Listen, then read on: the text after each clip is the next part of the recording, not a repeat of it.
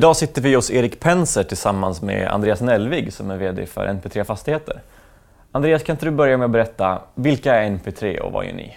NP3 är ett eh, fastighetsbolag som eh, satsar på norra Sverige. Och norra Sverige för oss är Borlänge, Gävle och norrut. Vi har eh, enbart högavkastande fastigheter och vi är ett kassaflödesorienterat bolag. Och det visar sig även ut mot våra ägare och via vår utdelningspolicy som då är 60% en väldigt hög utdelningspolicy. Och som sagt det är kommersiella fastigheter i norra Sverige som är vårt fokus. Okej, om vi ska försöka få lite grepp om er, er storlek då. Hur stort är fastighetsbeståndet och kan man jämföra det mot någon, någon andra noterade bolag?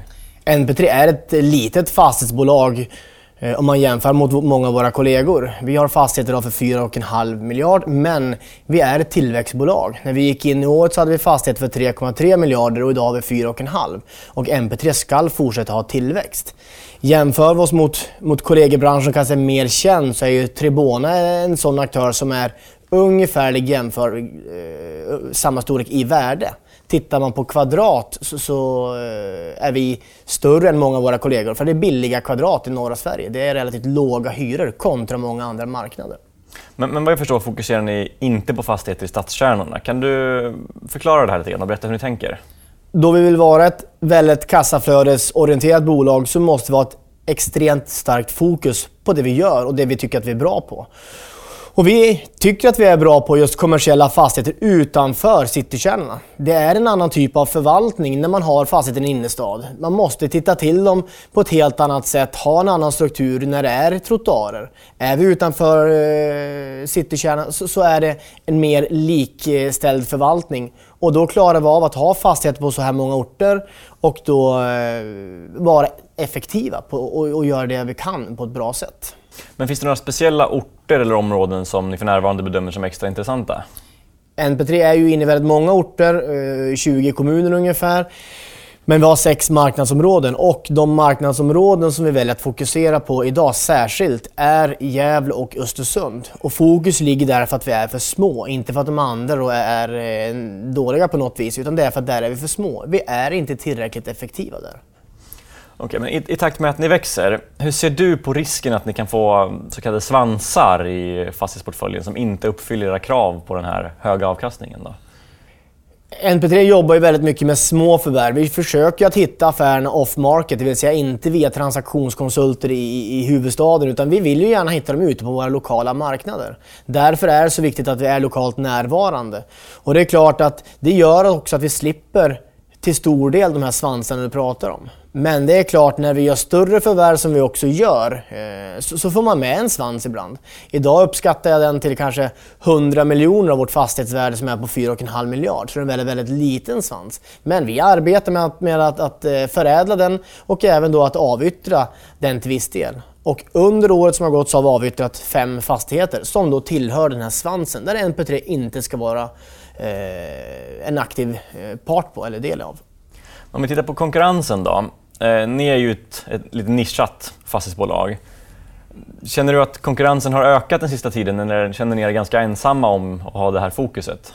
Vi har ju haft eh, lite, lite, tur så att säga, när vi startade bolaget 2010-2011 för att konkurrensen har ju kommit igång väldigt mycket sista året. Och det märks framförallt på prisbilden. Och eh, förut när vi var ensam eh, att vara budgivare så är det idag flertalet aktörer som är med.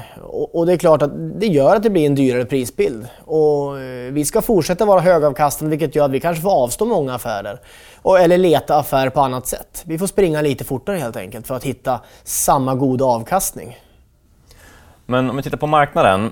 Eh, bedömer du att den är så pass stor att ni kommer kunna växa med bibehållen lönsamhet eller kommer ni tvingas göra avkall på avkastningskraven i takt med att, att ni växer? Gör vi avkall på avkastningskraven så ska det vara ett, strategiskt beslut. Och det är klart att om tillväxten, om, om styrelsen skulle tycka att tillväxten går för långsamt så kan vi välja att, att dra ner våra avkastningskrav för att där kunna växa snabbare. Men i vår takt som vi vill växa idag, vi är 4,5 miljarder idag, vill växa upp till 8 miljarder ungefär inom 3 till 5 år. Så ser jag idag inget behov av att förändra eh, någon strategi för NP3. Men det är klart att som jag sa, vi, vi måste titta på ännu fler objekt för att hitta rätt affärer. Vi måste vara ännu mer aktiva i de lokala marknaderna för att hitta rätt affärer och det, och det ska vi vara. Er, er tillväxt har ju hittills finansierats av kapital från nya aktieägare och fastighetsägare som sålt fastigheter till er i utbyte mot aktier. Hur ser strategin ut framöver om man tänker på tillväxt rent finansiellt? Just när det gäller tillväxttakten så är det väldigt hårt förknippat med, med styrelsebeslut och ägarbeslut och direktiv. Men, men, det vi vet är att vi har ett långsiktigt mål, 3-5 år som jag sa, att nå 8 miljarder i fastighetsvärde.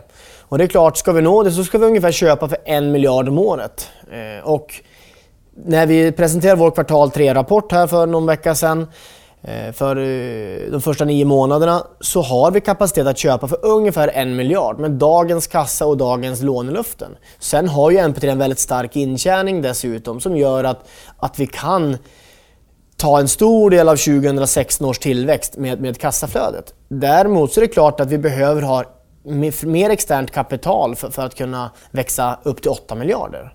Hur det kapitalet ska tas in, det, det överlämnar jag till, till styrelsen och, och årsstämman att besluta om. Men bland de noterade fastighetsbolagen så har det ju på sista tiden blivit väldigt populärt med just preferensaktier. Då. Är det här någonting ni har tittat på? Det är klart att mina NP3 utreder alla alternativ som finns när det gäller kapitalkällor. Och vi gjorde en obligation till exempel nyligen också som var en ny kapitalkälla för NP3.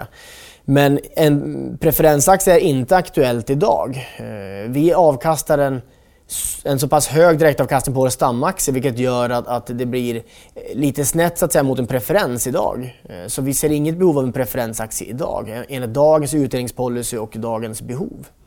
Okej, men om vi avslutar den här intervjun med att blicka lite grann framåt. Då. Vad är MP3s första, största fokus just nu och hur kommer det närmsta året att se ut?